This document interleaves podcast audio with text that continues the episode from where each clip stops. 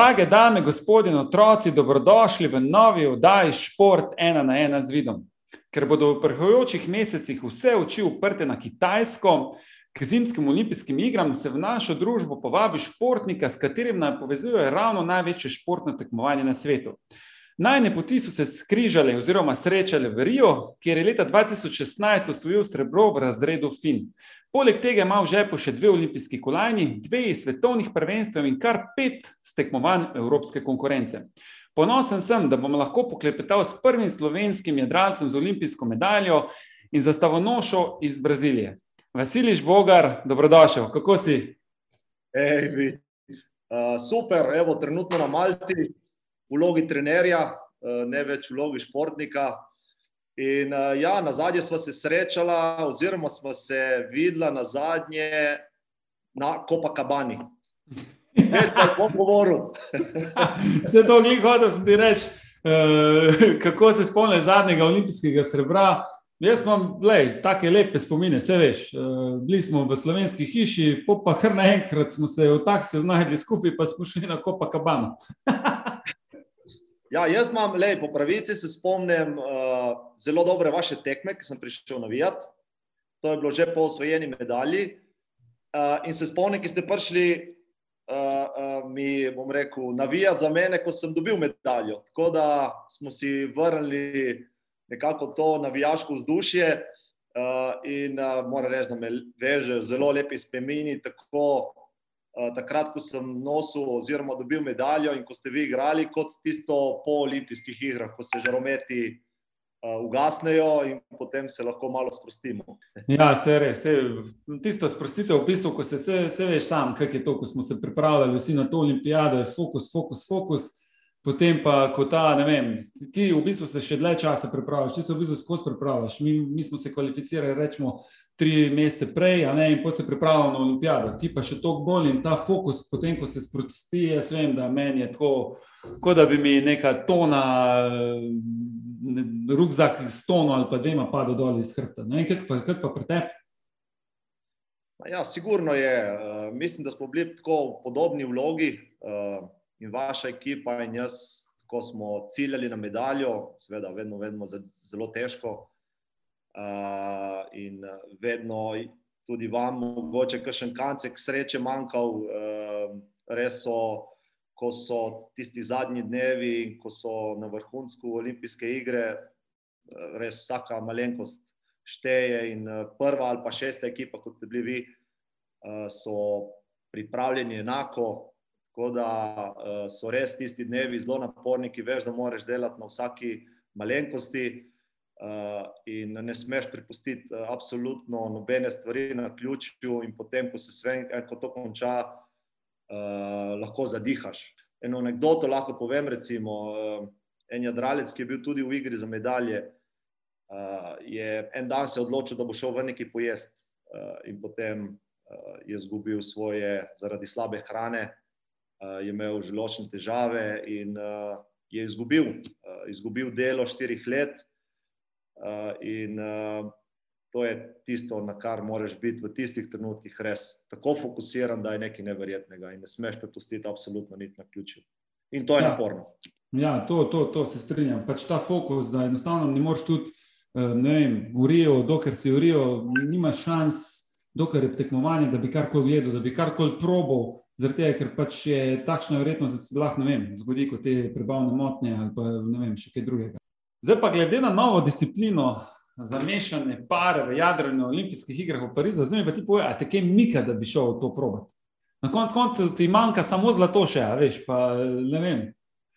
Ja, je, eh, po pravici me je mikalo, ampak uh, pred dvemi meseci te discipline niso potrdili za naslednje olimpijske igre. Uh, tako da žal sem, bom rekel, potihem zaključujem svojo športno kariero, kar se tiče olimpijskih iger. Uh, imamo pa še en velik projekt, ki je SSL Gold Cup, ki je uh, namenjen ekipam v jadranju. Uh, letos imamo prva tekmovanja, kvalifikacije v maju in potem pa finale oktobra in novembra. Uh, in to je nekaj novega. Uh, odločilo se bo, katera je najboljša jadralna država na svetu. In to je za mene velik izziv, zato ker prvo grem iz nekako samotnega jadranja v eno sedu, v rekel, timsko jadranje, v ekipo. In moram reči, da sem zelo vesel, da sem zbral res najboljše slovenske jadralce v ekipo in vsi komaj čakamo za začetek tega prvenstva, ki je prvič edinstven, zato ker so jadrnice čisto vse enake in bo devetčlanska posadka na vsaki jadrnici odločala o čisto vsem. Vse kaže, da se bo še, še bolj moderniziral tvoj šport, rečemo. In kako gledaš na te spremembe? Ma glej, jaz mislim, da je to, jadranje se konstantno razvija in jaz mislim, da je to dobro. Oziroma je neki izziv, ki ga, ki ga sprejmemo. Kajti če pogledamo mogoče atletiko ali pa kakšne druge športe, nimajo te možnosti razvijanja. Mi, glede na to, da imamo, bom rekel, jadrnice oziroma neko zadevo, s s katero tekmujemo, se konstantno pride neka, bom rekel, evolucija. Trenutno, evo, če, če povem, so že pet disciplin od desetih v, v Parizu jadrnic, ki letijo. Se pravi, niti ne tikajo več vode, letijo. In to gre nekako iz, rekel, iz razvoja, bom rekel, American Cupa, ki je nekako vrh v jadranju, potem nižje na olimpijske razrede. In to je ena velika prilika, prilika za nas, da ti, bom rekel, imaš vedno neki izziv. Vedno, vedno več mlajših je v tem športu, prav zato, ker tudi te jadrnice dosežejo tudi zdaj po sto kilometrov na uro in več. In je to adrenalinsko in je velik izziv za vse in konstantno nekaj novega. Zdaj pa te vrže z jadrnice pri sto kilometrih, mater, to boli, Ja, je postalo kar nevarno, tako da zdaj jadralci niso več klasični, ki so bili oblečeni, bom rekel, v ribiške obleke, ampak imajo čelade, ščitnike, tako da se je šport kar spremenil od tistega, ko sem jaz začel. Si pa član jadralnega kluba, kluba Burja. Povej mi ime Burja, je to primeren veter za jadranje oziroma kateri veter imate jadralci najraje? Seveda, če je burja, to je najboljši veter, kar obstaja. Mi vedno čakamo burja, da zapiha. Ja, ne, burja je eden najlepših, najbolj zahtevnih vetrov. Ni tako pogosto kot mogoče na kakšnih drugih destinacijah, ki je več vetra, ampak je, je izjemna, zato ker prihaja iz hribov, tisti hladen zrak, in ko se spoji z morjem, ki je malo bolj toplo, piha vedno zelo močno. In jaz mislim, da v svoji karieri nisem, ko sem bil doma, nisem nikoli izgubil niti en dan burje. A pa ta te ne zebe, glej, jaz kajtam zdaj malo, pa enkrat sem šel na burjo, pa sem mislil, da bom zmrznil. Ko sem v vodi, pa, pa veter, pa voda, pa veter. Ma ja, na začetku, dokler se ne ogrejemo, tistih mogoče prvih pet, deset minut je mraz, potem pa ne, potem pa ti je tako vroče, da bi se tudi slekel kratke hlače, kratke rokave. To sem tudi delal sredi zime, ti je tako vroče, da imaš še preveč obleke na sebi. In potem ugotoviš, ko prideš pod tuš po treningu, ko ti popukajo vse žile po rokah in po nogah in si cel krvav, ugotoviš, da mogoče si malo pretiraval s premalo oblačili. Zdaj pa, preden se lotiva rubrik, mi pa zaupaj, kdo je Vasilij Žbogar, če, kako bi se opisal, če odmisliva šport in vse? Ma glej, čisto navaden, navaden človek. Probam imeti življenje čim bolj enostavno, zelo pošten. Če sem dolžen en evro komu, ne bom spal. Probam živeti neko normalno življenje, zdaj posebej po športu, kar ni enostavno. Še vedno se lovim, tudi se sam sebe lovim malo, kajti greš iz enega okolja, iz športnega, kot sem bil jaz, v normalno življenje in seveda rabiš nekaj let, po moje, da se tudi najdeš v tem okolju. In to je, jaz ga vzamem kot neki izziv. Tako da še zmeraj, če imam možnost, ne bom vzel dvigala, bom šel peš po stopnicah, tečem v telovadnico. Odkar nisem več v športu, mi je zelo všeč to, da nimam več tistega urnika, ko je bil včasih.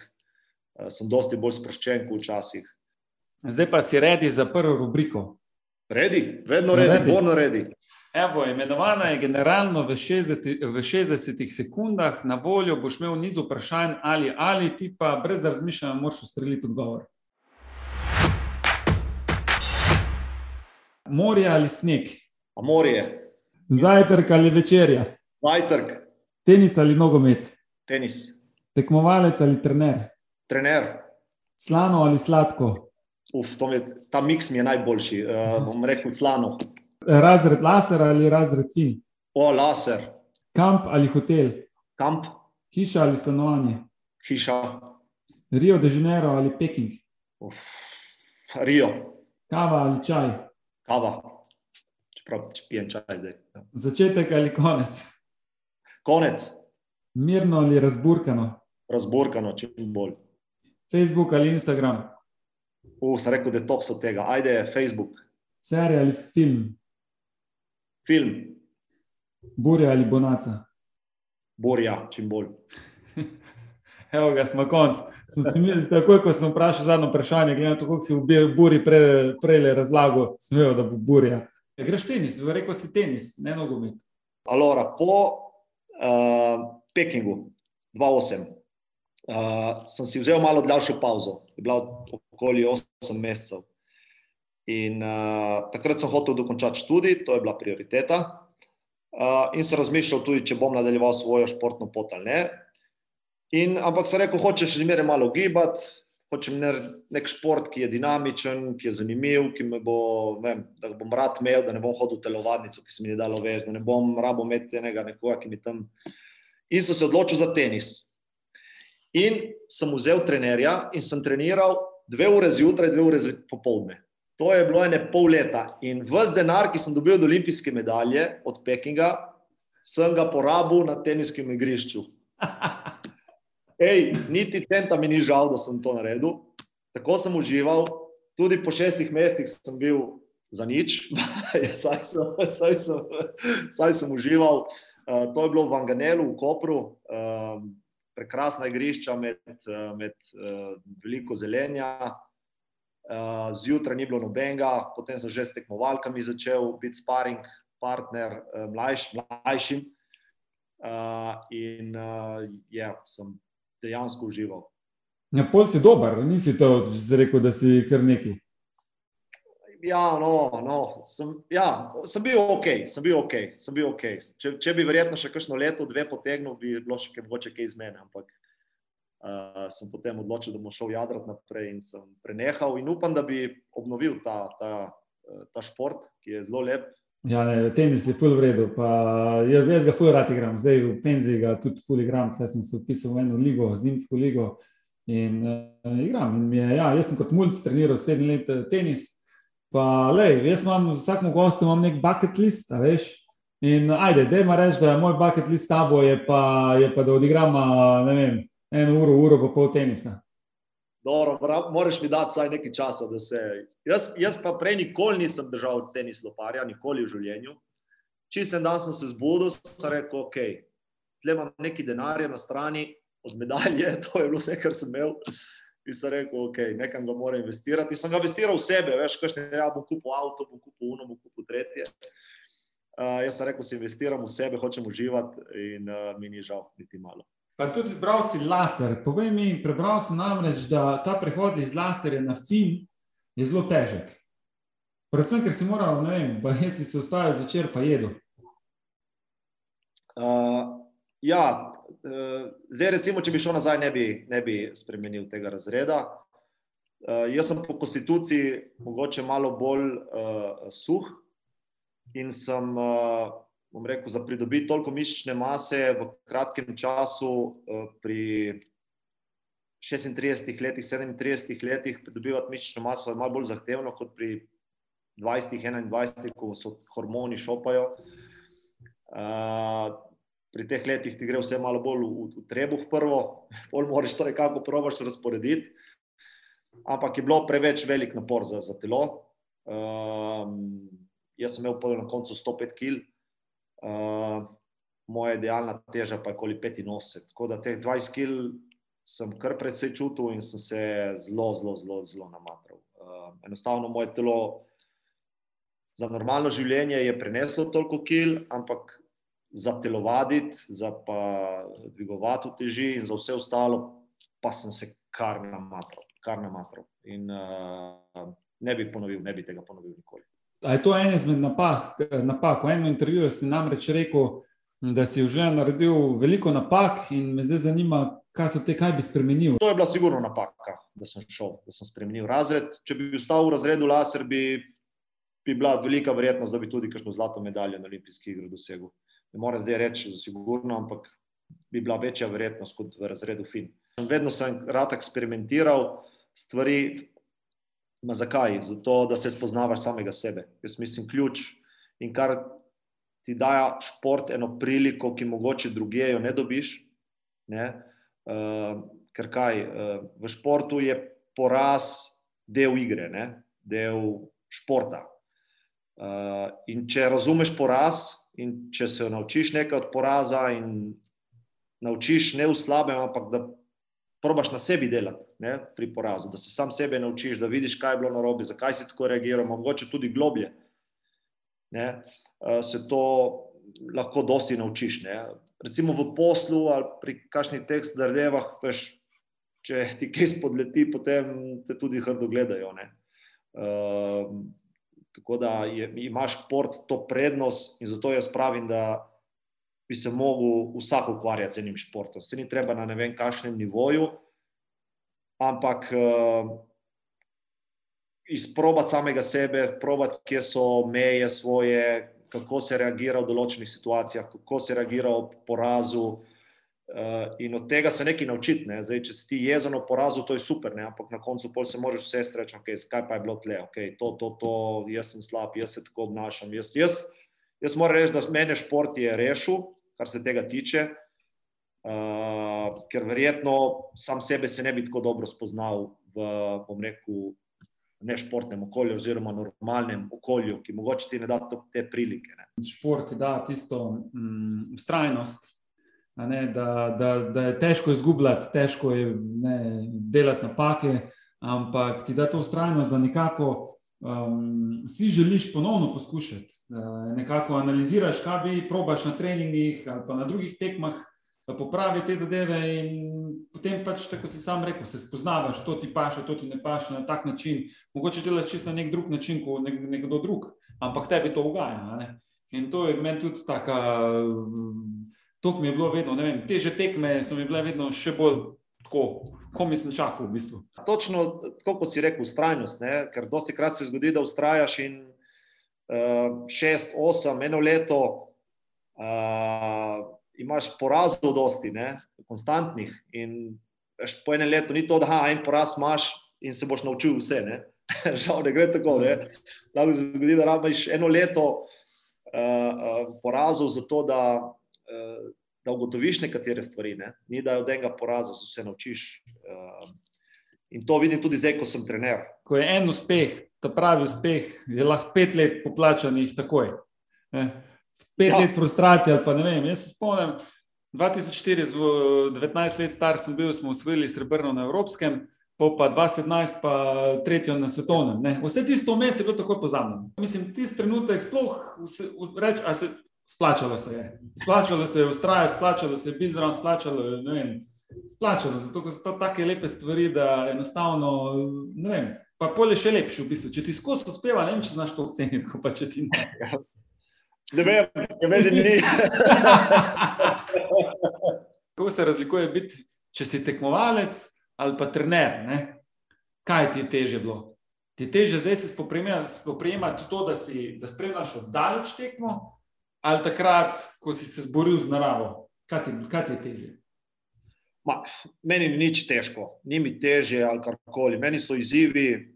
Um, jaz mislim, da vse imam to srečo, da sem mogoče izbral tudi en del, ki, ki je sigurno težko. Sem imel težke trenutke, ma, ni bilo zaradi tega težko ali ne težko. Pač, to je del, del športa, del trenerstva.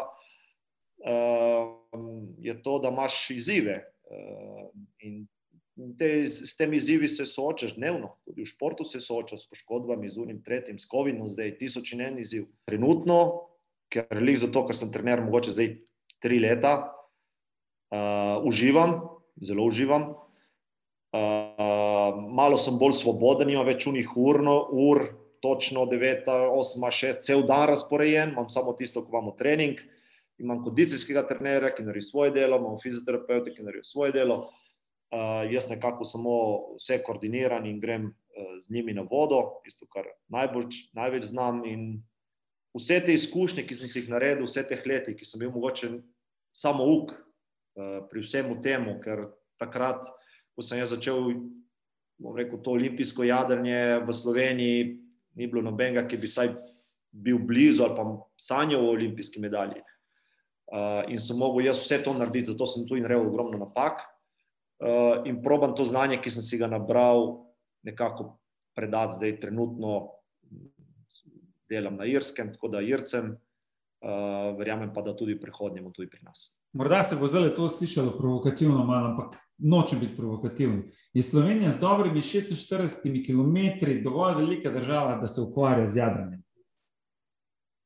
Poglej, uh, Avstrijci, Švicari, Mačari, sploh nimajo morja. Tako da to je za njih dosti. Ne? Pa imajo vseeno olimpijske medalje iz, iz jadrnja. Tako da um, Švicari so zmagovalci American Skapa. Um, tako da um, to ni razlog za to, da. Ne bi bili uspešni v jadranju. Evo, zdaj pa pogleda še malce v preteklost in, zazriva, in se zazriva v prihodnost. Čas je za video uvid. Je bilo jadran naravna izbira, glede na to, da živiš ob morju, ali si se mislil, da resneje ukvarjati s kakim drugim športom? Pa ponovno, če bi šel nazaj, bi se ukvarjal s kakšnim drugim športom. Sem jih probal več, uh, nogomet, rokomet. Takrat žal nismo imeli košarke, jaz zelo rad igram košarko. Uh, tako da v šoli, kluba nismo tudi imeli uh, v Izoli, tako da to nisem probal. Uh, se mi zdi pa, da imam kar tašno lepo rokico za met. Uh, jadranje sem pač uh, po pravici povedano in, in to tudi dan danes se trudim uh, v svojem klubu uh, zaradi družbe.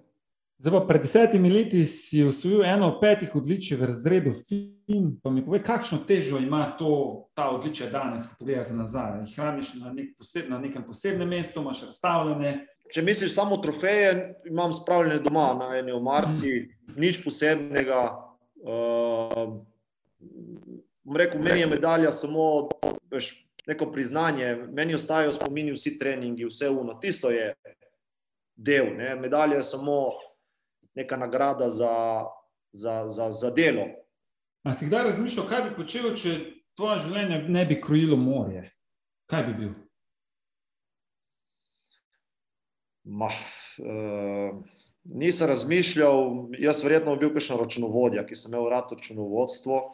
V šoli tudi sem študiral ekonomijo, diplomiran ekonomist. Uh, bi šel kakšne, imam rad matematiko, sem bil vedno dober matematik. Verjetno bi odprl kakšno računovodstvo, po moje. Kako bi imel neko firmo, biznismen? Ne vem, verjetno, jaz se pravim, šport mi je dal to možnost, da, da da sem, bom rekel, se spolnjeval vedno več, sem hotel biti najboljši, sem hotel vse, uh, nikoli nisem gledal na, na svoje nasprotnike, vedno sem delal samo na sebi. Uh, nikoli nisem razmišljal, da bom dobil olimpijsko medaljo, niti dve, kaj še ne tri.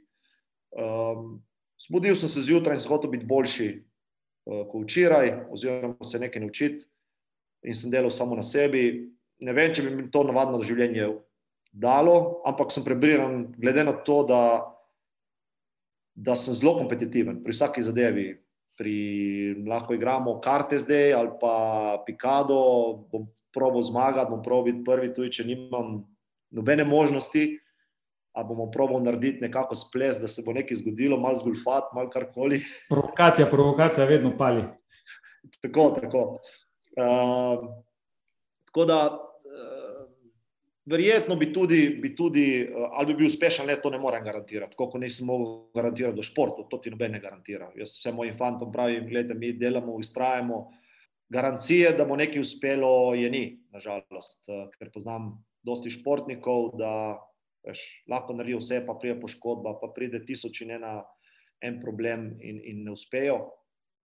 Uh, verjetno tako je tudi v navadnem življenju, oziroma je tako v navadnem življenju. In verjetno bi se trudil, da bi bil najboljši, tudi v, v, v poslu. Verjetno. Kot upokojeni športnik si, vedno, si verjetno še vedno željan adrenalina z tekmovališč. Je, je to nek razlog zgodbe sloven, slovenske jadralske reprezentance? To pa je nek nov izziv, ker je ekipa. Tukaj nisem samo jaz. Ni, jaz sem verjetno še najmanjši člen, zato ker jaz samo organiziram to ekipo, sem zraven, pomagam. Uh, ampak tukaj od mene je zelo, zelo malo odvisno. Uh, jaz hočem samo, da vse teče, da se dobro pripravimo, da imamo uh, izhodiščno pozicijo, da lahko premagamo čisto vse države. Uh, jaz tukaj vidim en velik izziv, ker do zdaj uh, se mi je zdelo, da sem vedno nekako sam, da sem vedno bil nekako. Nisem imel tašnih privilegijev, kot so imeli Angleži ali pa Novozelandci ali pa Avstralci, ki imajo res ogromne strukture in imajo to vse pošteljeno. Uh, tukaj, enkrat, končno imamo vsi enake jadrnice, vsi enako vse, vsi enake pogoje, vsi enako število treningov. Uh, da končno smo na, na, rekel, na isti vagi, In to me zanima zdaj. To me tako zanima, da vidim, ajde, da vidimo zdaj, kam, kaj boste vi naredili. Mene zanima, kaj bo oni, da vas vidimo. Ajde. Mi smo popravili najboljše, verjamem, da smo zelo dobri, verjamem, da imamo zelo dobre jadravce, ki tudi to jadrnico, kateri bomo jadrali, poznajo. Uh, to jadrnico je tudi dizajniral Justin, slovenski uh, dizajner. Prve so bile narejene v Sloveniji, so cele iz karbona in uh, in imamo redracije, ki imajo dosti izkušenj na tej jadrnici in me to bolj vleče kot karkoli drugega. Zdaj pa preseliva se od obujanja preteklosti in misli o prihodnosti k mitom in legendam. Jadralci so odvisni zgolj od narave. Je to mit ali legenda? Jadralci smo odvisni zato, ker če ne piha, ne jadramo. Sam zaradi tega. Uh, pa kdo bolj pihne v jadro? ja, glej, dan danes so že takšne tehnologije, da zelo se da predvideti veter in uh, je dosti več podarka trenutno na kondicijski pripravi, na, na temu, uh, na dizajnu jadrnic, na dizajnu jadr, kot pa temu. Tisto je bolj neka umetnost, uh, in izkušnje, ki ti omogočajo to, da ti malo bolj predvidiš, kaj se bo zgodilo. To ni, to, to ni, bom rekel, neka znanstvena fantastika. Uh, treba se učiti, treba prebrati knjige o vremenu, o vremenoslovju, o, o, o teh zadevah, da veš približno, kaj vsak oblak, kaj, kaj lahko pričakuješ vsakega oblaka. Uh, in to se potem prilagodiš. Tle je en kup faktorjev, še preden sploh prideš do tega, da imaš dober štart, da barka ima brzino, da imaš dobro fizično pripravljenost in vse ostalo. Kaj pa tale, pri jadranju telesna priprava ne igra ključne vloge? Ja, uf, to bi bilo lepo, ja, da ne bi. Nažalost, nažalost ni tako. Uh, tako eno set laser kot fin, fin mogoče še, še bolj, Uh,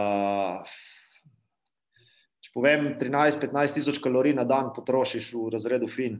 Uh, ko voziš regato, je regata eno uro in si konstantno na, na, na VO2 maxu, na, na, na spravi 108-200 pulza, imaš konstantno. Je težko, fizično izjemno, čeprav si mislijo, da je jadranje. Ma, dosti krat primerjajo jadrne tisto v velikih jadrnicah na, na to olimpijsko jadrnje. Recimo windsurf je eno težjih športnih disciplin na olimpijskih igrah. Uh, to v eno sedih pa je, evo, moji jadralci recimo normalno trenirajo enkrat do dvakrat na dan v fitnessu. Uh, na kolesu petminutni test, 450 vatov, če tam 440 vatov, petminutni test to so že številke ki, ki nekaj povejo. Tako bom rekel, brez vrhunske in res dobre fizične pripravljenosti ni rezultata. Da, ključno, ključna je fizična pripravljenost. Jadralci vrhunec karijere dosežejo v nekoliko zrelejših letih. Uh, to je bilo včasih, absolutno, ko so tudi ti razredi bili drugačni, zdaj razredi se spremenjajo, tako kot smo govorili na začetku. Uh, Jadrnice so drugačne, spremenjajo se, tipologija jadralcev se spremenja. In recimo v razredu Fin, v Riju sem imel jaz 42 let, uh, naslednji najstarejši je imel 32. Uh, tako da so vsi, večinoma poprečje, bilo 27, 28, 29 let. Je pa res tudi, uh, statistično gledano, sem tudi statistiko, ker v jadrnju izkušnje so zelo pomembne, toliko verjetno kot kondicijska priprava. Tako da vrhunec jadralci doživijo med 26 in 29 letom. Uh, jaz sem načeloma, um, ne vem, po ta DNK mi je tudi v družini, smo vsi malo bolj mladostno zgledamo kot in kot, kot uh, za svoje leta. Uh, tako da en kup faktorjev je potem definira, do katerega leta lahko to vse možeš, lahko ne zdržiš. Izkušnje igrajo veliko vlogo, po mojem, tlele, še posebej, ko si razlagal, da si moraš pač vedeti, kaj vsak oblak pomeni, uh, kako vsak veter piha, na kaj lahko pričakuješ. Pač to, pa to napak moraš narediti, da se pač naučiš. Ali se naučiš, ali se pa ne naučiš. Dosti regat moraš dati skozi, dosti tekmovanj, um, dosti treningov in um, izkušnje pa rabiš, zato ker rekel, v jadranju ne obstajajo, tudi če si na isti lokaciji leta in leta, ne obstajajo dva ista dneva. Zdaj pa gremo v naslednjo rubriko. Na vrsto pride rubrika Nevidni oboževalec, to je moja najljubša rubrika. In, um, neka oseba iz tvojega življenja je povedala nekaj o tem, ti moš pa ugotoviti, za katero osebo gre. Samo upam, da ni moja žena.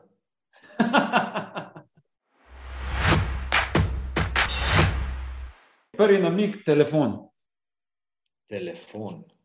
Ajde, bom, ti zaigram prvo, prvo, prvo anegdoto, pa bomo pojma pokomentirali. Ajde, da, da. Ena naša taka uh, nenavadna, uh, bom rekel, ali pa nenavadno doživetje je bilo, da smo si, da smo si na, na, na nek način uničevali telefone, ker ni bili najbolj priporočljivo, pa tudi uh, prosim, če ne delate tega doma. Ampak mi smo, uh, mi smo to počeli. In zdaj je bil na vrsti, seveda, ker Miha Pirih je v glavnem uničil že vse telefone, samo še njegovega nismo uničili nikoli. In smo se odločili, da bomo to naredili takrat na, na Vaskotovi žurki. In, uh, Bila je pa ta nesreča v nesreči, da je pa mu vas kot čist isti telefon, kot pa Miha Pirih. Ne. In uh, Miha Pirih je odložil telefon na mizo lepo. Uh, jaz sem vzel telefon in sem rekel, Miha, poglej tvoj telefon. In prav Tomaš, pa Lukaš Pik, da je ga vršil v morje. In sem ga vrgel v morje, glitko se je še malo odbil na, na, na, na obali, pa padel v morje. Uh, v bistvu bi pa to od vas pa ta telefon, ker ima pa čisto isto, čist isto razpoko, Nokia, Nokia 780 je bilo to. In uh, Vasko, Vasko se spomni, Vasko se pravzaprav sploh ni sekiral, uh, da smo mu uničili telefon, ampak je rekel, bom pa saj imel ene par dni miru. A si imel pa par dni miru, ali si mogel tako eno kupiti? Ja, očitno, da sem imel, je bil moj telefon v vodi. ja, dobro se spomnim, to je bilo v Buri, v klubu Izola, moj takrat. Uh, so veslači prišli na obisk. In ja, se spomnim, je Jani primil telefon jaz ga gledam. Prime moj telefon, jaz ga gledam in on ga vrže. Vse ku. Jani, kaj delaš? Ja, ja, ja odpiri, kaj vrgu telefon. A sem rekel, ne, je moj telefon. Ko se jaz primil njegovega in sem njegovega vrgu. Ja, to je Jani Klemenčič, da, da povemo še za, za poslušalce. Ja, ja, ja. On, on je del naše ekipe tudi. Uh, na RC-ju 44, del slovenske ekipe v Jadranju.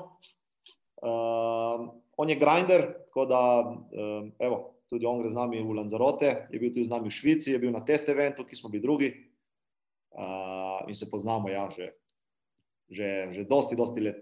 Evo, zdaj pa bom še zaigral še drugo anegdoto. Tri mama. Za veliko ljudi jaz ne vem, kdaj sem se prvič srečal, ker je bilo to skozi šport in ker so leta zelo hitro tekla in tekmovališča so se zelo, bom rekel, razlikovala. In mi športniki, čeprav vsi mislili, da smo zelo tako povezani med sabo, pa da se poznamo, se pravzaprav ne. Da so res olimpijade tiste, ki nas, ki nas družijo. Pa nam je, bilo, je bil pa ta problem, da vas, ko je bil jadralc, ki so zmeraj itak Bogu iza nogu, mi smo pa veslači, smo pa tudi Bogu iza nogu. Tako da je sploh ne mogoče, da se srečamo, ker sta dva Bogu iza nogu vmes. Ampak smo se srečali na teh državnih prireditvah, pa predvsem kasneje, ko sem pa jaz začel jadrati takrat so bila pa bolj povezana, pa so se, pa so se večkrat uh, videla, oziroma pa sodelovala. In sem pa zelo vesel, pa ponosen na to, da me je tudi uh, lansko leto poklical k temu projektu uh, Karpani zraven in da, in da zopet sodelujejo, mislim, da na zelo dobri bazi. Predvsem pa zaradi tega, ker smo oba, tako se mi zdi, zelo podobna, zelo podobna tipa ljudi. Ja, res je, da se nijamo od sajta mi športniki, ki je dal združiti. Ampak se, tako je Janik Lemenčič rekel, da se res uh, srečamo na olimpijadah ali pa na takih stvareh. Ne.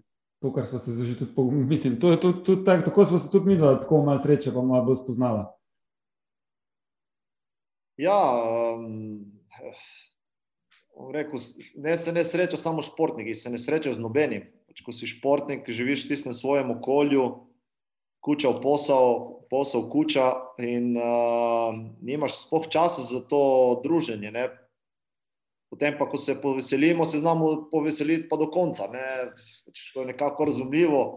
Ko si v unem fokusu, ne to, uh, dosti krat slišim reči, ne, veš, grem na treninge v Avstralijo, v Sydney, grem uh, ne vem, v v, na, v Miami na svetovni pokal, o, lepo tebi potuješ, ne? o, lepo tebi greš tam. Tebi, Ej, meni je absolutno vseeno, kam greš. Sploh jaz ne vidim unega mesta, ne vem, kakšno je mesto, nisem, ne grem.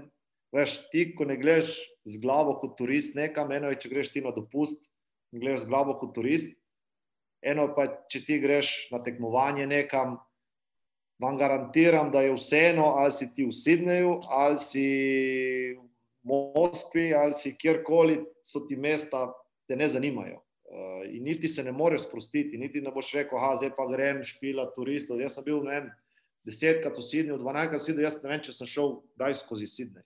Socialni del uh, se totalno zgubi pri športu. Potem so te redki, redki trenutki, zelo redki trenutki, ko se dobiš tudi z, najbolj se ujameš ponavadi in hitro se ujameš z ostalimi športniki, ker si nekako na istem nivelu, bom rekel, tega uh, sociale, mislim, uh, socializing, ne, spravi te družb, družb.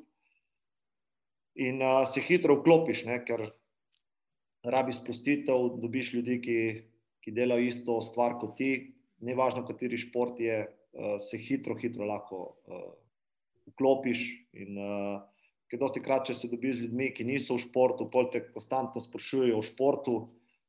Uh, in potem to ni več to, ko pa si športnik, ti ne moreš sprašovati, kako je bila tekma, kaj ima briga, me kot je bila tekma, tako kot tebe briga, kako je šlo moje tekmovanje, ampak hoče samo se malo sprostiti, malo pozabati in govoriti o drugih stvareh. Imate še dobro, da so olimpijade? Sigurno, ja, ne, Sej jaz mislim, da to je čar olimpijade, je, da, se, da se vsi srečajo na enem, na enem kosu. Eh, na enem delu, in uh, potem, seveda, ko se tekmovanja končajo, so ta družina zelo prijetna. Ne? Prav zaradi tega, ker te noben ne sprašuje, kaj, kako je bilo, ti je šel dobro, da ti je šel slabo. Ja, enkrat se spomnim, uh, jaz sem bila, jaz sem trener in je šel en boksar, gre dol po stopnicah. Je bil v splavu, cel zraven. In moj trener vpraša, kako je bilo. Pa kaj ga je videl, kako je bilo.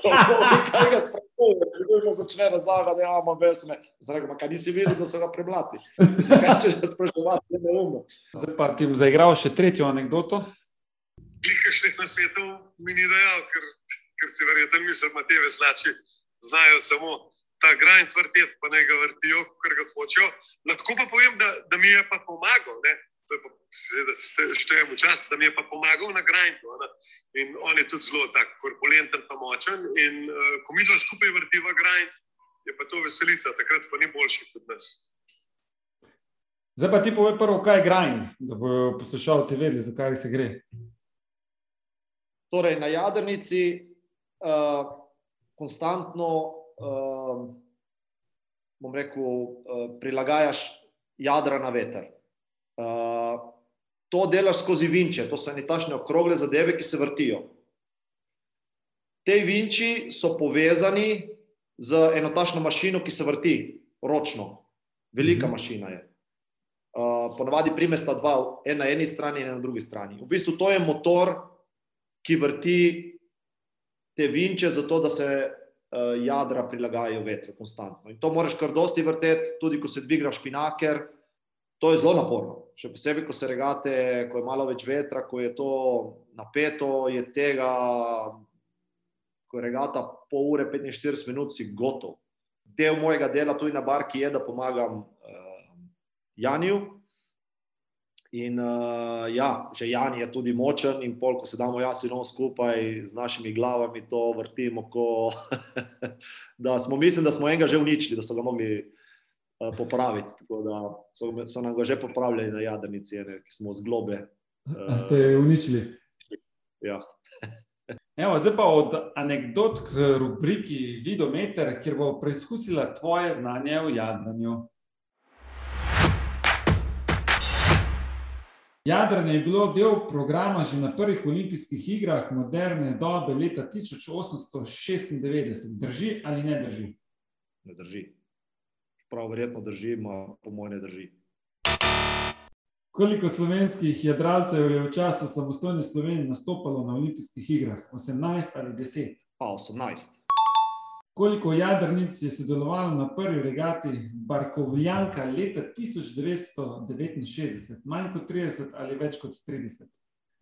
Po mojem, manj kot 30, ker to je bila začetek.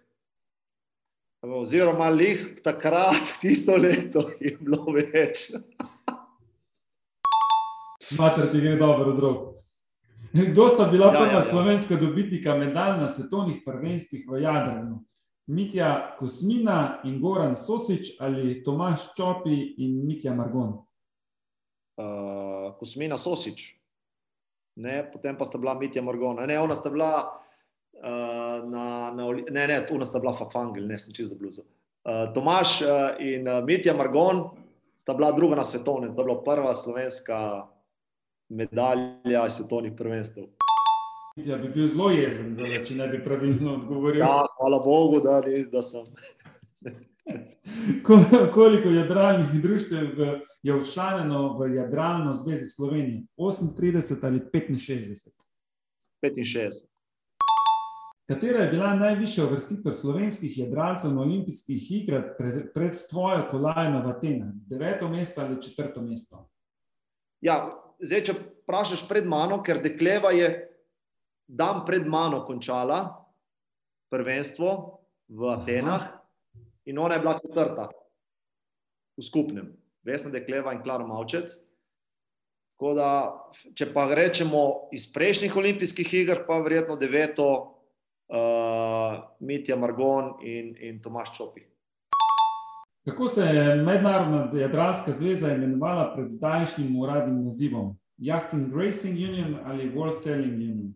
Prvo je bil ISAF, predtem pa je bila Yachting Union, ker so potem spremenili in sailing, ker oziroma ni, bilo, ni jim bila ta terminologija všeč jachting in so spremenili v sailing, potem je bila ISAF, International Sailing Association.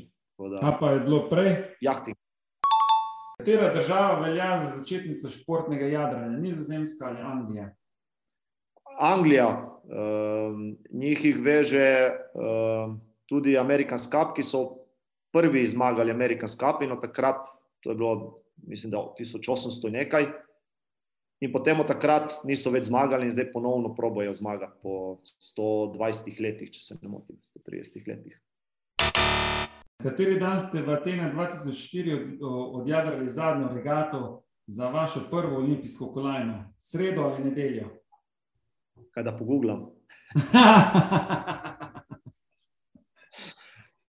Uh, Arkodija. Atenah. Vem, da je bilo letalo na sceni, ma po mojem nedelju. Katera je najuspešnejša država na olimpijskih igrah v jadranju? ZDA ali Velika Britanija? Ma Anglija, sigurno. Težko vprašanje si mi je prav. Vsaj za dva bo šest. Ne, ne, ne, osem, osem, osem, dober zbir. Dober zbir. Orka, zelo dobro. Ja, veš kaj, tle, tle, tle si se zmotil, m, začel si zelo slabo. Uh, drži, bilo je na prvih olimpijskih igrah. Vidiš, 1896 na prvih. Vem, da ga imam v glavi. vem, da imam v glavi, samo nisem, eh, nisem pričakoval, da je bilo tako daleč. Ja. Evo ga, tule pa Barkovljanka, leta 1969 je bilo več kot 30. 51 jih je bilo na prvi, zdaj pa za zdaj, koliko jih je bilo pa predlani, ko je bilo, je bilo pa koliko, več kot 2200 ali koliko 2100. 1225, nekaj takšnega. Neverjetno, neverjetno. Ja, In ja. um, tle, kjer si se zmotil, katera država velja za začetnico športnega jadranja, je Nizozemska. Bi se znalo zgoditi, ker si zdaj rekel športno jadranje. Ja, jaz sem pa verjetno. To Pa, se znalo debatirati. Ne? Ja, bomo zdebatirali.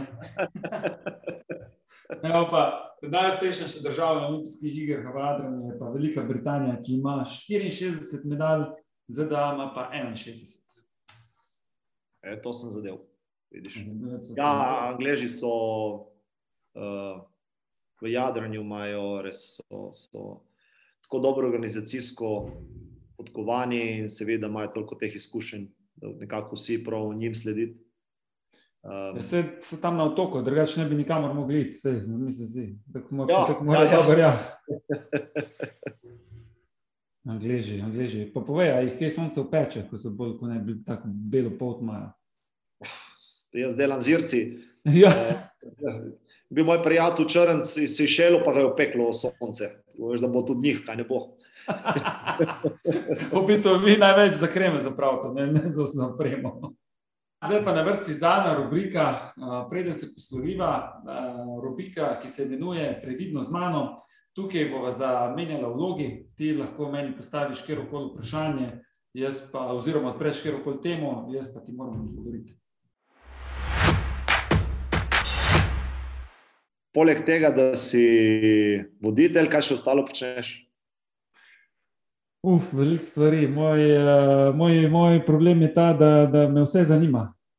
Veliko stvari me zanima. In uh, je res tu problem, zdaj, kaj bi delal in kaj bom delal. ne. Mislim, problem. Hvala Bogu, jaz sem zelo vesel, da me veliko stvari zanima, da, da rad spoznavam različne, m, eh, kako različna dela, kako ljudje delajo, na kak način eh, delajo. In um, veliko stvari sem probal veliko stvari bi rače probo, da se bom potem, potem počasi uh, lažje odločil. In, uh, in upam, da bo ta trenutek čim prej prišel, tega, ker, bi, um, ja, ker mi je težko biti. Um, Ne bom rekel, da n- nedorečen, ampak da pač bi rad imel nek ritem, rad bi, rad bi delal. In, in pač to je ta proces, kjer sem te takoj na začetku razumel, da se pač iščeš. in, uh, ni tako lahko, si, lahko se poiskati. Ne, celo življenje delaš eno, imaš nek fokus, točno veš, kaj moraš narediti, da bo rečemo, na večja možnost, da boš uspel. Imaš probleme, veš, kaj moraš narediti. Vse nekako imaš sestavljene, puzle se sestavljajo v bistvu, v bistvu si jih sam sestaviš v glavi. Zdaj pa prideš, tako smo mi po karieri, in potem pač, mislim, so puzle raz, razle, se razletijo. Ne, in treba vse puzle spet skupno brati, da se spet počasi zlagajo. In mogoče pač um, sem jaz še mal neočakan tip in bi rad vse puzle kar hitro skupaj sestavil. In zdaj pač sem se nekako umiril in uh, se boje, se boje sestavljati, in to sem prepričan. Uh, in uh, tebi se počasi sestavljajo, jaz pa pridem še na vrsto. No. Upam. Ja, ma tudi jaz sem, lej, ti povem pravici, tudi kup zadev se lotu, zdaj si jih tudi provam krajšati. Uh, tudi neke biznise sem šel, ki niso funkcionirali, ne funkcionirajo. Uh, ampak pravi, da moraš, pravi, da pravi biznismen mora trikrat bankrotirati, da, da pravi, postane pravi biznismen. Ne?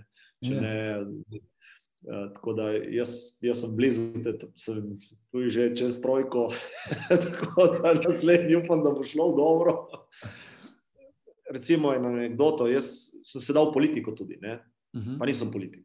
Sem, sem v učinskem svetu v Izoli, uh, v svoji stranki, uh, delamo zelo dobro, delamo za šport, uh, delamo za Izolo. Uh, ampak uh, sem se toliko naučil, tako zahtevno, čisto drugo okolje kot v športu, ne? toliko nizkih udarcev, toliko vsega, toliko spletk, uh, da sem se hotel vršiti noter v ta cirkus. In moram reči, da sem se ogromno naučil. Zelo težko, na momente je zelo težko, ko ogromno neprespanih noči.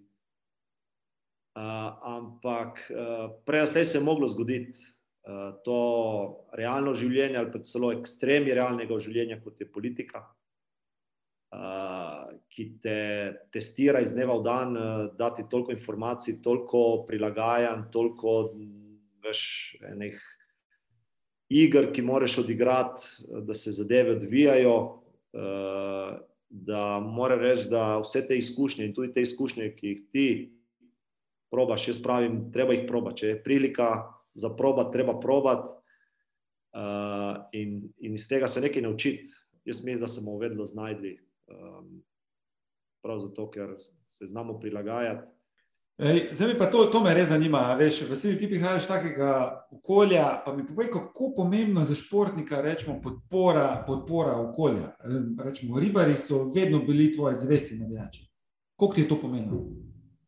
Lej, sigurno podpora, ali so to navijači, ali so to starši, ali so to punce, žene, prijatelji. Uh, je zelo pomembno v težkih trenutkih. Um, ker v lepih trenutkih te vsi podpirajo, v težkih, ko noben ne vidi, peščica. Um, in jaz se spomnim, ko sem prišel iz Londona, sem bil šesti na olimpijskih igrah.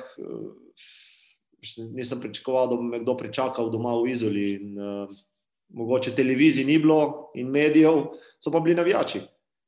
Um, in Jaz se spomnim tistega trenutka, smo pričakali, tako kot vse ostale olimpijske medalje. Uh, pa sem bil šesti. Um, in takrat obljubil, da na naslednje olimpijske igre pa bom prinesel jim darilo. Zato sem tudi te olimpijske igre toliko se naučil uh, in toliko vse investiral, vse, kar sem imel, sem investiral v, v, v, v medaljo in sredstva in časa in vsega skupaj. Tako da podpora je, je, je bistvena.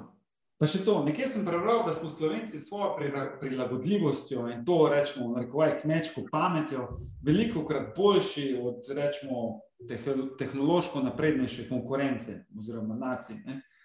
Um, pa kaj misliš o ugotavljanju vodnih tokov po zalivu, naprimer, ali pa od zunaj, kako je pomembno, je, da, da kot športnik si fully iznajdljiv? A mi že imamo mi to, slovenci, neki to mentaliteti, da smo malo bolj iznajdljivi kot drugi? Verjetno, ko si nek samouk, eh, mlada država, eh, se moraš prilagajati, se moraš učiti. Po mojem, to je ta, ta stvar, ki nas dela mogoče malo bolj eh, prilagodljive, tudi kjer živimo. Na splošno ta cona je bila skozi čas vedno, bom rekel, dosti krat spremenjena iz ene v druge.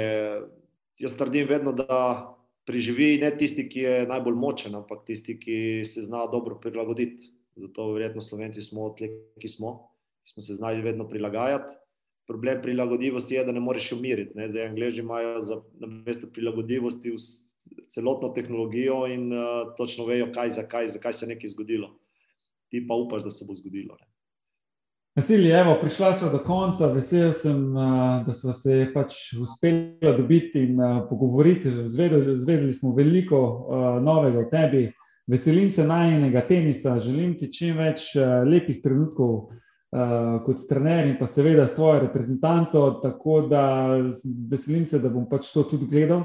Ker bo res zanimivo in uh, upam, da se kmalo res vidimo. Hvala ti za povabilo. Uh, jaz sem se imel zelo lepo. Lepo je, ko te športnik sprašuje športne stvari, ki točno ve, kaj spraševati. Uh, in uh, ja, enako tebi srečno uh, še naprej. Uh, ja, sledi nas, te bom povabil, če enkrat če hočeš na kakšno našo trening ali pa tekmovanje, ki bomo imeli v prihodnje. Uh, boš vedno dobrodošel in uh, ja, lepo zdrav celotni ekipi.